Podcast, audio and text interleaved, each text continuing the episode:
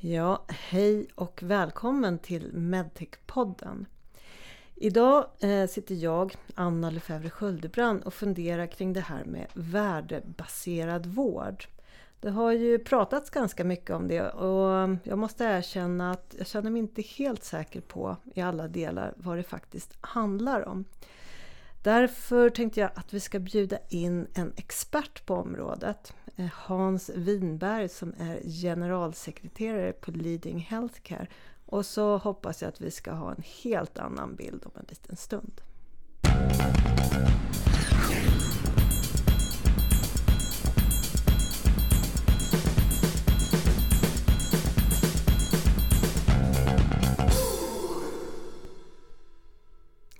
Hejsan Hans! Hej! Du, vem är du? Varför ska du prata om värdebaserad vård med mig? Jag är en eh, företagsekonom som eh, förlorade mig in i forskning och sen så började jag intressera mig för hälso och sjukvårdssystem och eh, titta på den med lite andra ögon, med organisationsteoretiska ögon.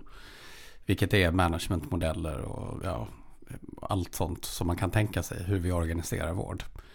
Så att eh, värdebaserad vård är ju en sån sak som intresserar oss på Leading Healthcare väldigt mycket. Vi är alltså några forskare och ett stort nätverk som håller på att titta på den här typen av fenomen och trender.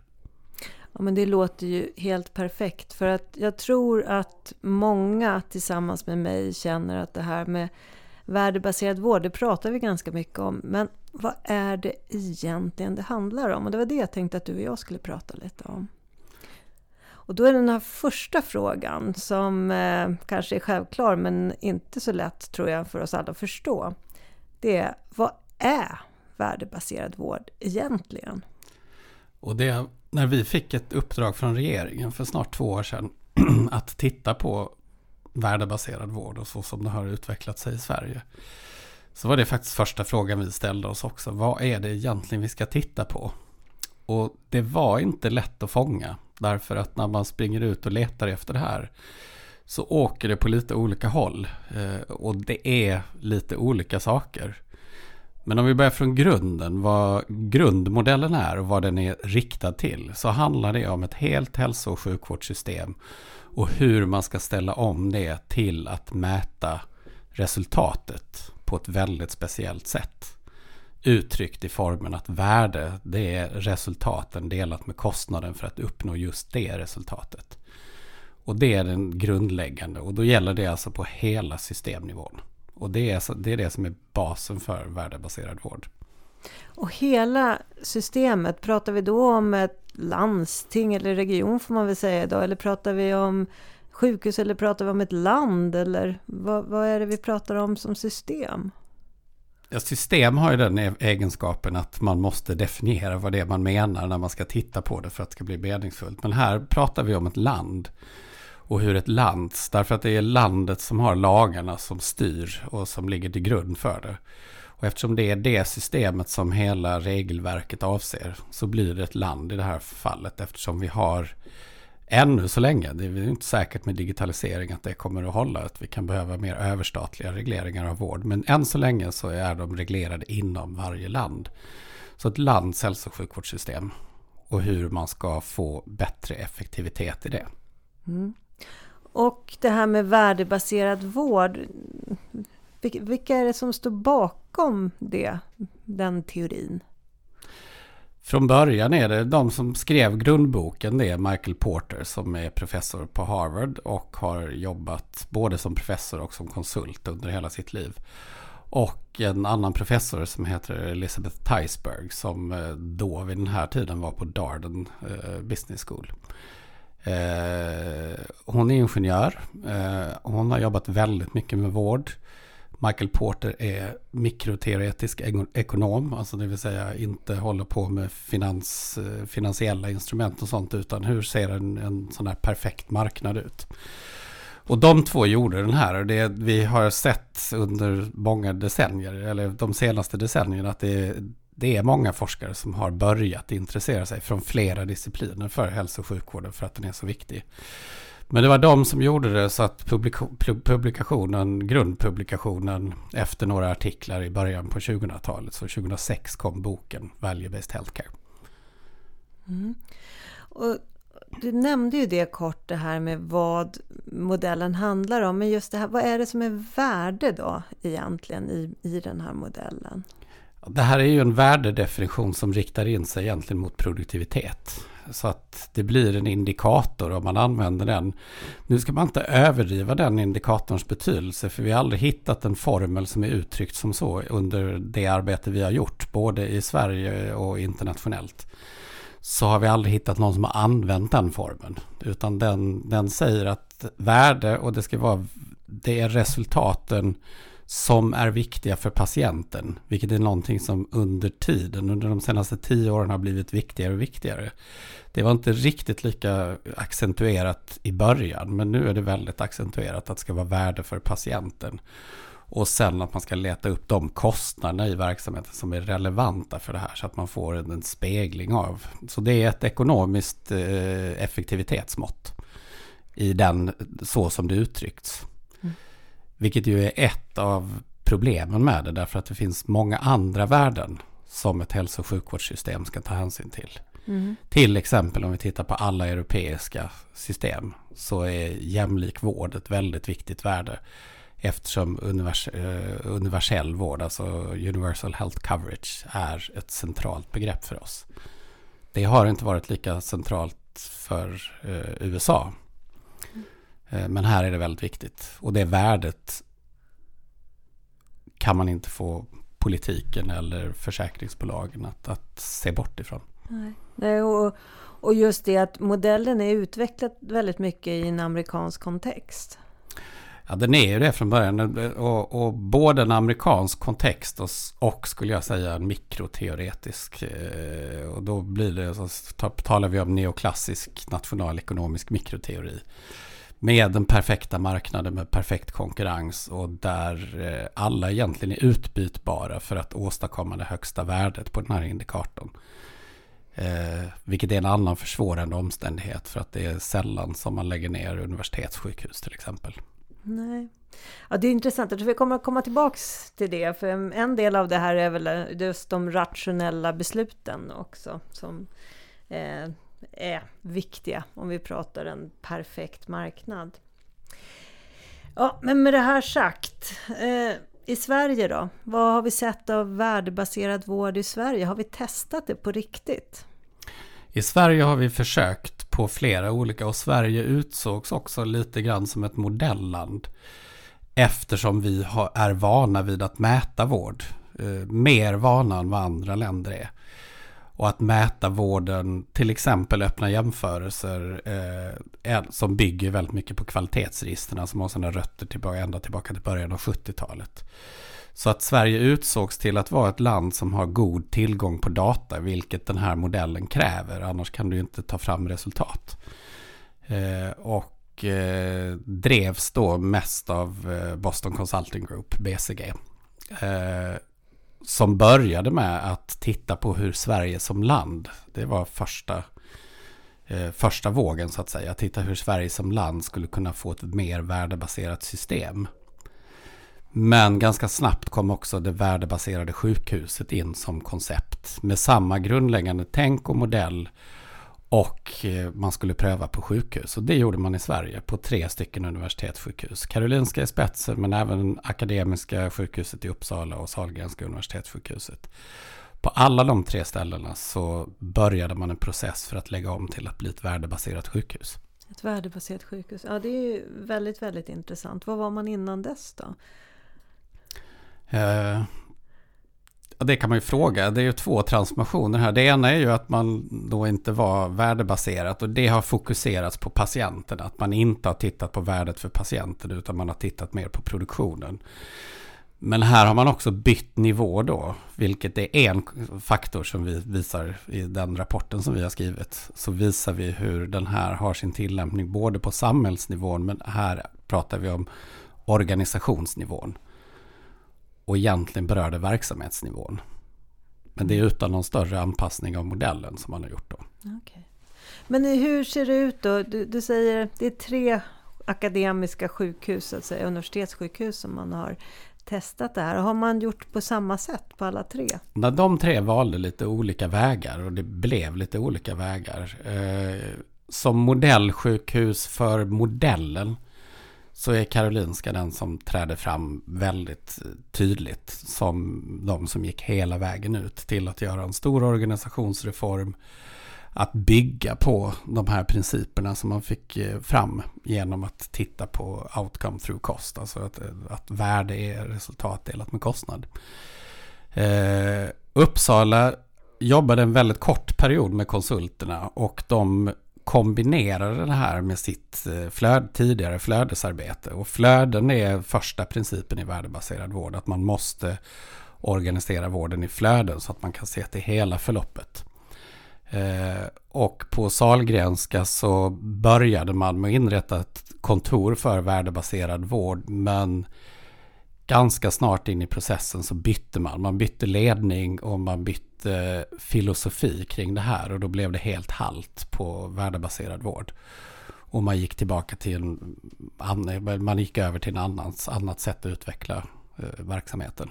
Så det är tre, tre olika strategier som man har valt som är olika grundade i det man gjorde innan. Ja, och det, det är jätteintressant. Jag tänkte att vi kan prata lite om var och ett. Men först det här med flöden, patientflöden. Kan du förklara vad är det för någonting? Ja, det är att man ska ha hela patientens resa när man kommer i vården. Från att symptom uppträder till att man diagnostiserar till att man är färdigbehandlad och färdigrehabiliterad. Och att du ska ha cykeln för hela det. Så att värdet för patienten uppstår när man är helt klar. Och det är det värdet man försöker fånga i någon sorts resultatmått. Och sen ta in kostnaderna då för hela den här cykeln. Och då måste man ha det organiserat i flöden. Ja, ja. ja och det, jag kan ju förstå det nu. När, när det är halt ute och sådär och man ramlar och bryter benet. Då är det ganska lätt att se det här flödet. Eh, men det är inte alltid lika lätt kanske. Nej, alltså det, det gör ju att den här metoden blir då väldigt diagnosbaserad väldigt fort. Så att det är liksom enskilda diagnoser. Eh, och där är ju det stora problemet som vi egentligen har identifierat sedan ganska, inte, inte lång tid, men kanske nu, säg 5-10 år tillbaka. Så är vi ganska medvetna om att det vi har stora problem och inte klarar av. Det är kroniska patienter och komplexa patienter, alltså multisjuka äldre eller sådana som har flera olika sjukdomar samtidigt. Och de lämpar sig ju då inte heller för, för den, den här typen av verksamhet. För då man ska ha ers, värdebaserad ersättning också. Och då ska man betala för det här vård, hela vårdepisoden. Och det blir väldigt svårt när den är ihopblandad med en massa andra. Ja, det är eh, många olika diagnoser. Ja. Det och det kan vi också se att det har man, har, man har prövat med värdebaserad ersättning på höfter till exempel. Eh, för att det är en ganska enkel eh, operation på något sätt. Man vet att man ska sätta in en ny höft och när man har gjort det är det klart. Eh, däremot har det inte funkat. Man fick undanta de här mest sjuka äldre till exempel som har väldigt många bidiagnoser och där man inte kan göra på ett enkelt sätt och inte ersätta bara rakt av för man vet inte riktigt vad som kommer att inträffa. Nej. Om man tittar då på det här som gjordes i Stockholm på Karolinska, för det är väl det som kanske de flesta har hört talas om. Vad var det egentligen? Hur införde man värdebaserad vård när man gjorde det på Karolinska? På Karolinska så var ju processen att man skulle gå över till värdebaserad vård. Det var väldigt markerat ett skifte att nu kom det något nytt som vi inte hade gjort innan och skulle göra det. Eh, och där hade man också idén som hade funnits långt, långt innan. Den fanns redan med när man började tänka på att man kanske skulle bygga ett nytt sjukhus. Nämligen att man skulle organisera sig på ett nytt sätt. Att man skulle organisera sig efter flöden och ordna dem i olika teman. Här gjorde man allting på en gång då, samtidigt med flytten.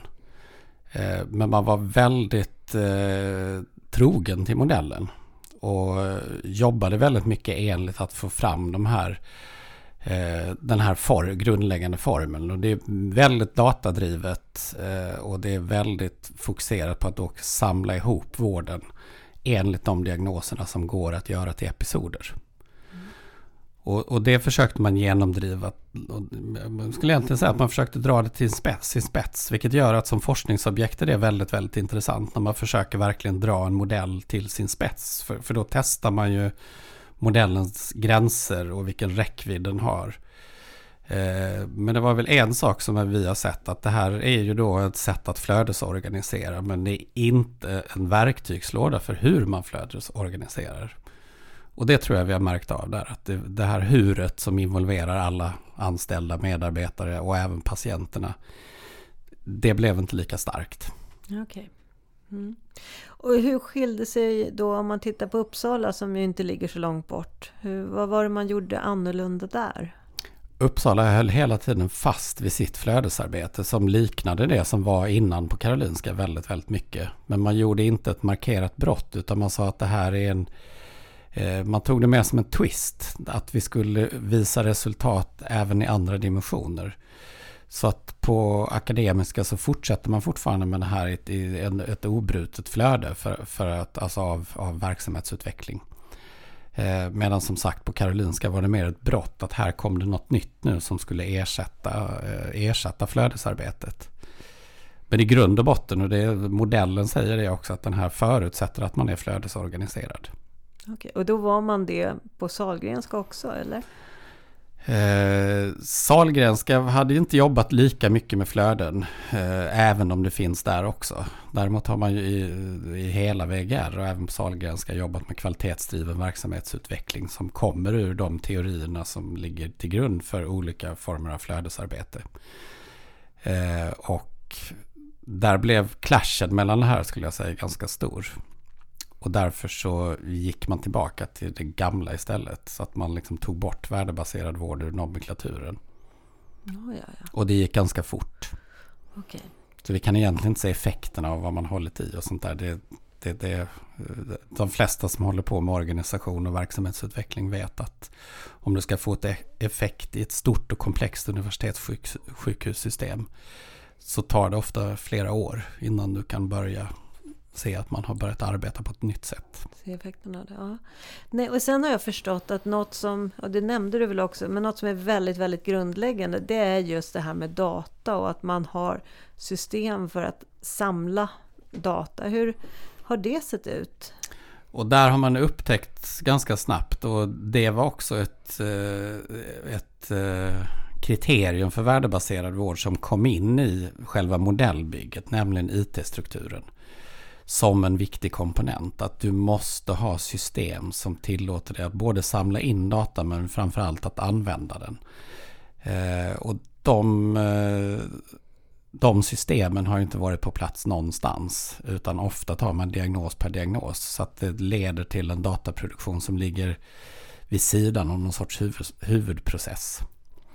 Och i praktiken innebär det då att man, att man måste börja föra in data flera gånger eller det, kan man hämta datan ur patientjournalen? Nej, det är ju det som, är, det, är det som har saknat att, att det inte går att hämta data på ett strukturerat sätt och att man inte kan få den utan då blir det ett parallellt system. Eh, sen är det kopplat delvis och då kommer vi in till hur man ska mäta och, och lagra den här datan då. Så som vi gör i kvalitetsregister och vi har ju de problemen där att vi inte kan dra huvuddata ur journalföring eller från andra källor utan att vi måste omregistrera. Eh, och sen kommer det även till då att när ICHOM då, det här konsortiet för Outcomes Measurement eh, som samlar, samlar data och ska jämföra den här eh, indikatorn. De kräver ju också att men då måste ju data samlas in på samma sätt. Annars blir den inte riktig. Och det innebär att då lägger du på ett lager till av eh, olika enkäter och datainföring som du måste göra. Framförallt blir det en ökad enkät, eh, enkätstress på patienterna som man använder. Ja, och, och det är väl det, det som du började med att säga just att det här handlar om ett, egentligen ett system, ett sjukvårdssystem och det innebär att man måste mäta på samma sätt på alla sjukdomarna, eller alla sjukdomar, men alla sjukhusen framför allt. Eh, för att man ska få det att fungera över ett helt system. Det är så tanken är, att man kan inte ha ett sätt på Karolinska, ett annat på Akademiska och ett tredje på Salgrenska, eller? Nej, för att det här systemet så som det är tänkt ska fungera idealt sett så ska alla aktörer ha samma villkor, fungera på samma sätt och använda samma data. Ja. Så att det kräver en enorm standardisering för att man ska kunna genomföra det här. Mm, ja, och som sagt då är det diagnos och flödesbaserat. Och flödesorganisering visar sig fungera ganska dåligt på många av de mest resurskrävande patienterna. Därför att de uppvisar ingen stabilitet i processen utan det är, lite, det är komplext på riktigt. Det vill säga att olika tillstånd påverkar varandra. Och vi kan inte riktigt prognostisera när det ena påverkar vad och inte hur det gör det heller.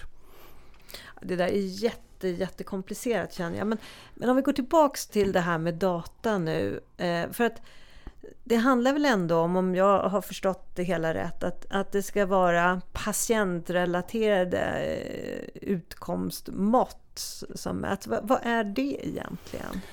Det är ju hur man som patient upplever att man har blivit bättre eller frisk eller hur man uppfattar det. Så det är ju både outcomes measurement och experience. Så det är inte bara upplevelsen av vården utan det är också hur du skattar dina resultat. Alltså kan jag gå? Hur långt kan jag gå? Är jag stabil? Om vi nu tar höften eller någonting sånt enkelt. Så att den data ska komma in och vara med. Eh, när man då ska ha samma data från alla, vad som är viktigt för dig.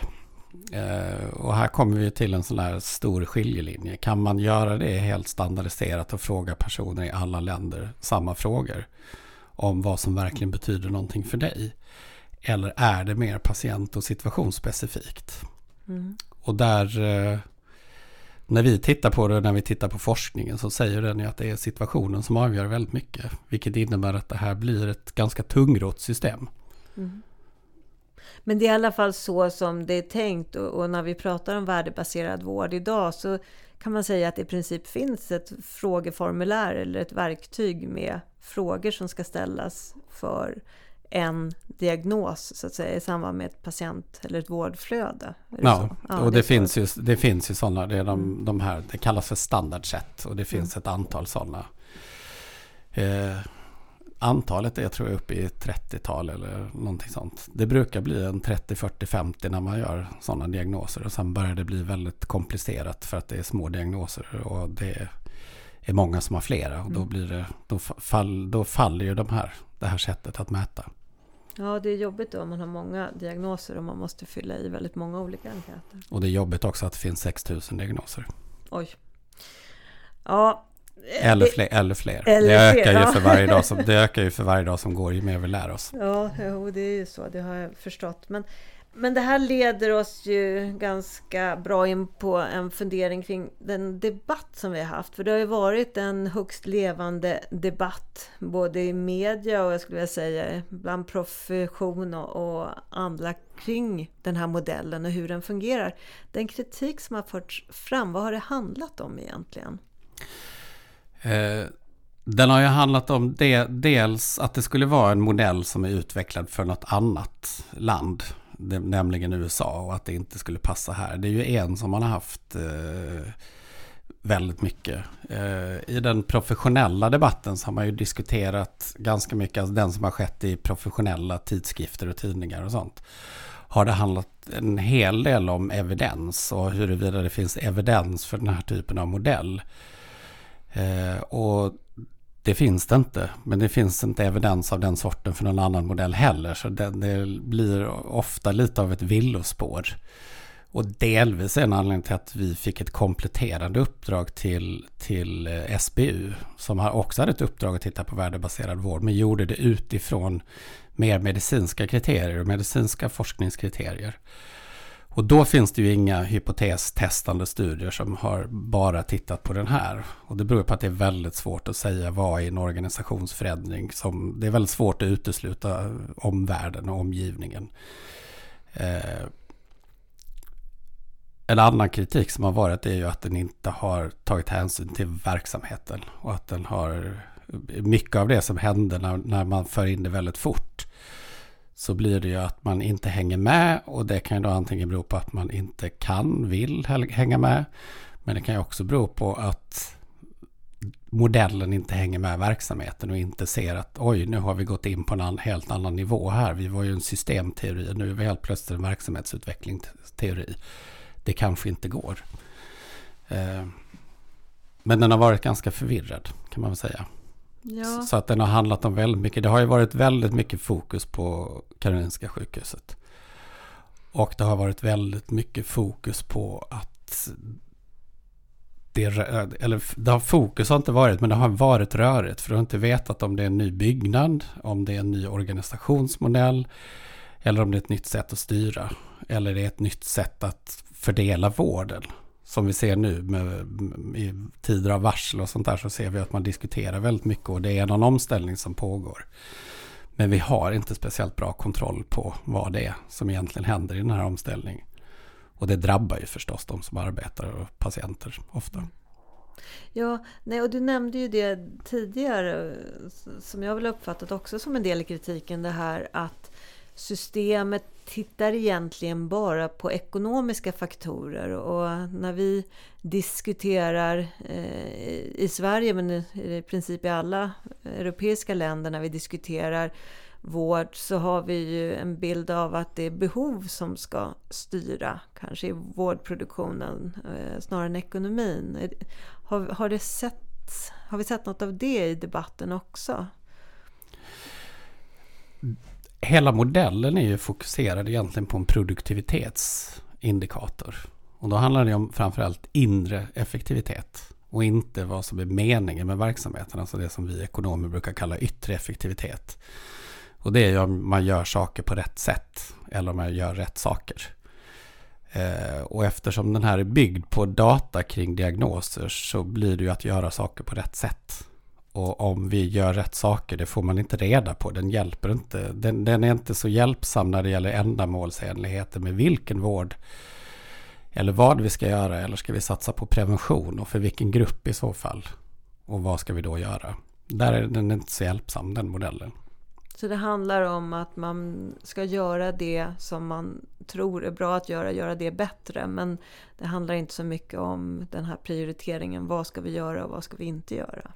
Man kan väl säga egentligen om man, om man tittar nu tillbaka både på vår bok och på det så kan man säga att om den här modellen hade kommit 20 år tidigare innan vi har, hade en massa medicinska genombrott och digitaliseringen inte hade slagit igenom så kanske den hade fungerat lite bättre. Men då är modellen också väldigt snarlik DRG, alltså diagnosrelaterad gruppering. Då blir de väldigt snarlika mm. och, och, samma typ av tänkande.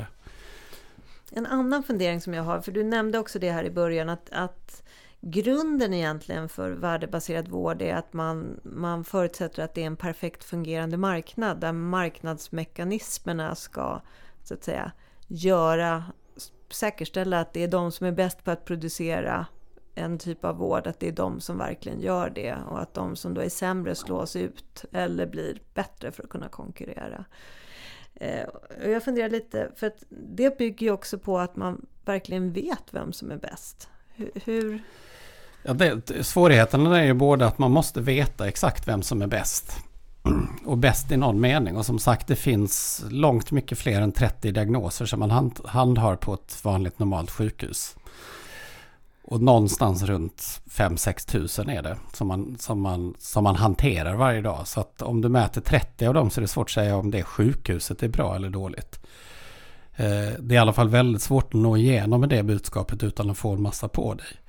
Sen kräver det ju då att, att de här aktörerna då, alltså sjukhusen i sig, att de är utbytbara. Att man kan lägga ner ett och starta ett nytt istället. Eller att man kan flytta helt och hållet till det som är bäst.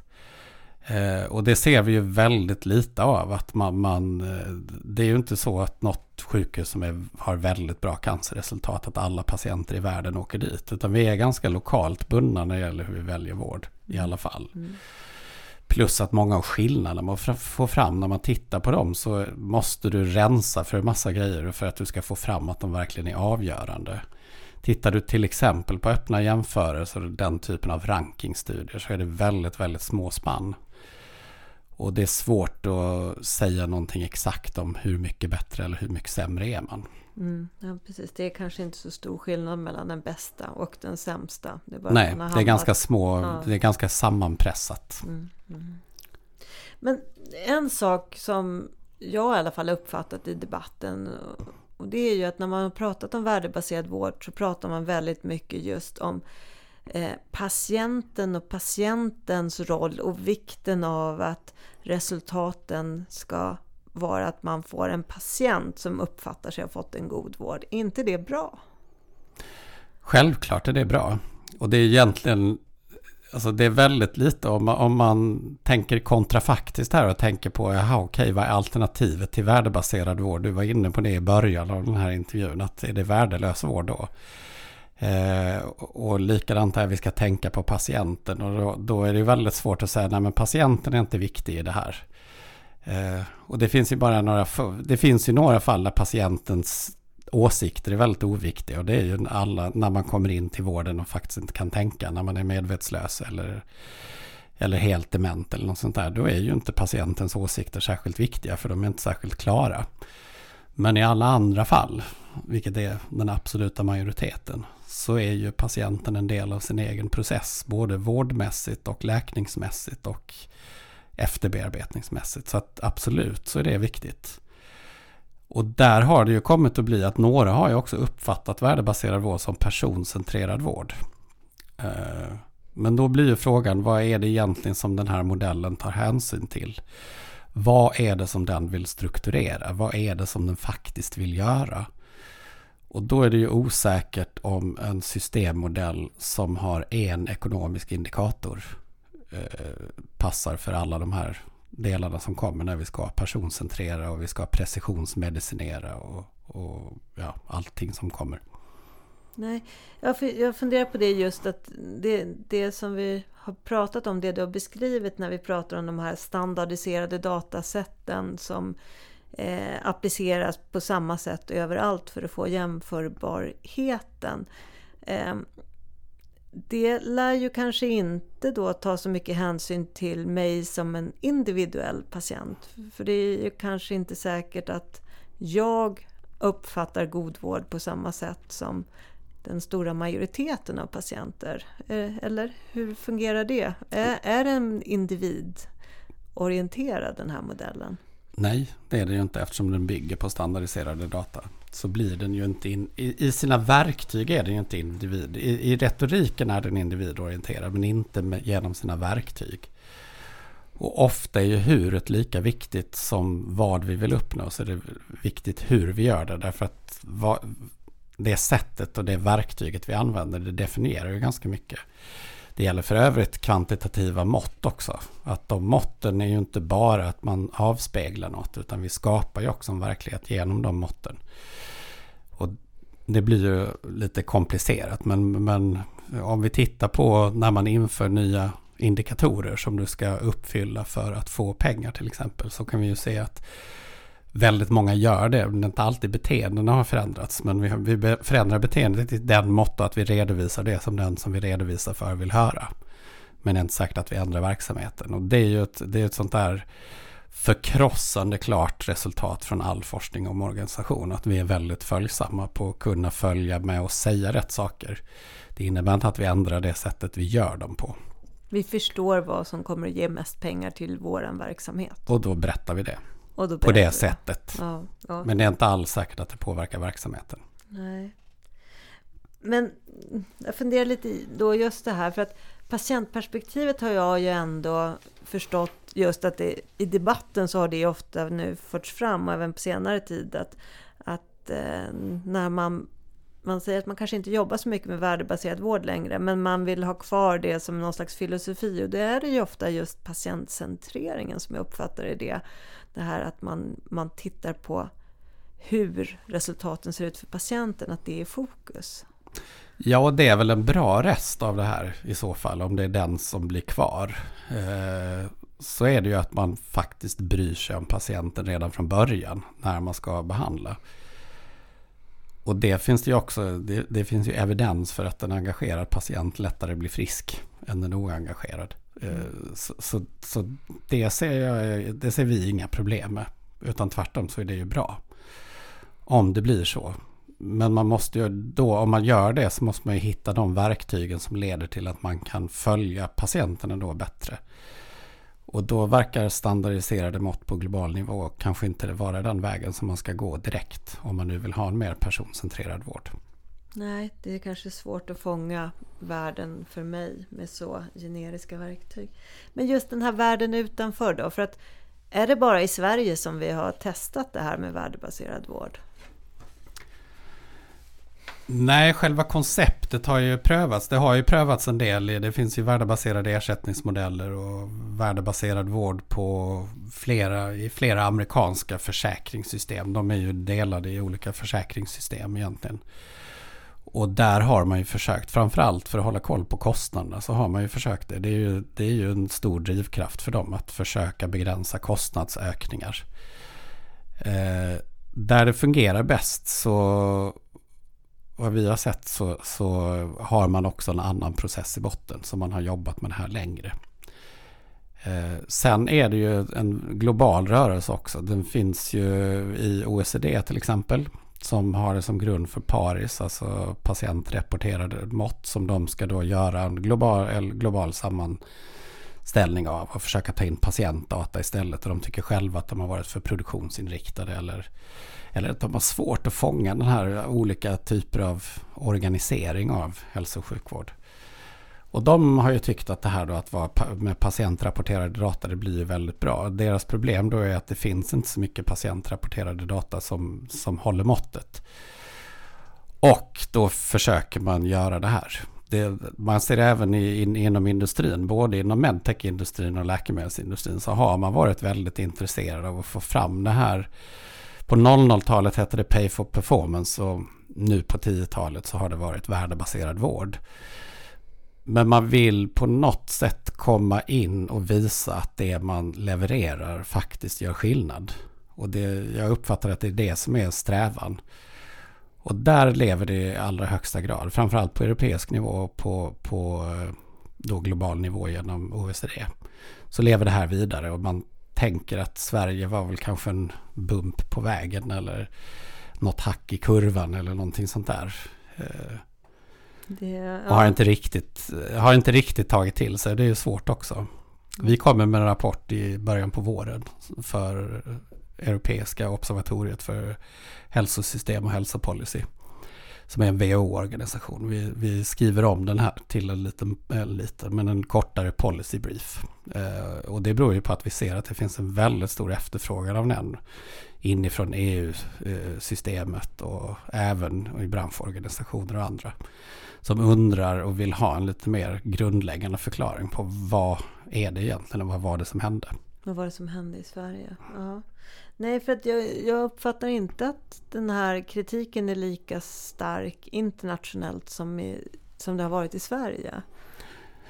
Nej, alltså där är det ju, du kan se på den svenska debatten så var ju, alltså i början så var det ju positiva artiklar som skrevs och, och, och positiva debattinlägg av att det här är verkligen, här har vi ett sätt att visa på värdet för patienter, vi borde gå den här vägen. Och jag skulle väl snarast säga då att de ligger där, kanske där vi var 2006, 2007, 2008 någonting sånt där. Och då var det inte lätt att säga att, att eh, man såg problem med värdebaserad vård som modell. Eh, därför att folk trodde att man inte ville ha värdebaserad vård. Eh, och det är ju väldigt svårt att, att, bedöma sådana här modeller. Mm. Men det är ens... svårt att säga att man inte tycker om grundtanken. Det är svårt att vara för värdelös vård där man skiter i patienterna. Alltså det, det, den, den, den är inte lätt att dra hem. Mm. Men å andra sidan kan man fråga sig en modell som inte går att se några begränsningar i eller går att negera utan att negationen så att säga, att det här faller platt till marken. Då ska man nog vara lite skeptisk till en sån modell för att i grundändan så handlar det om att kunna faktiskt på golvet göra någonting åt något för en viss patientgrupp. Mm.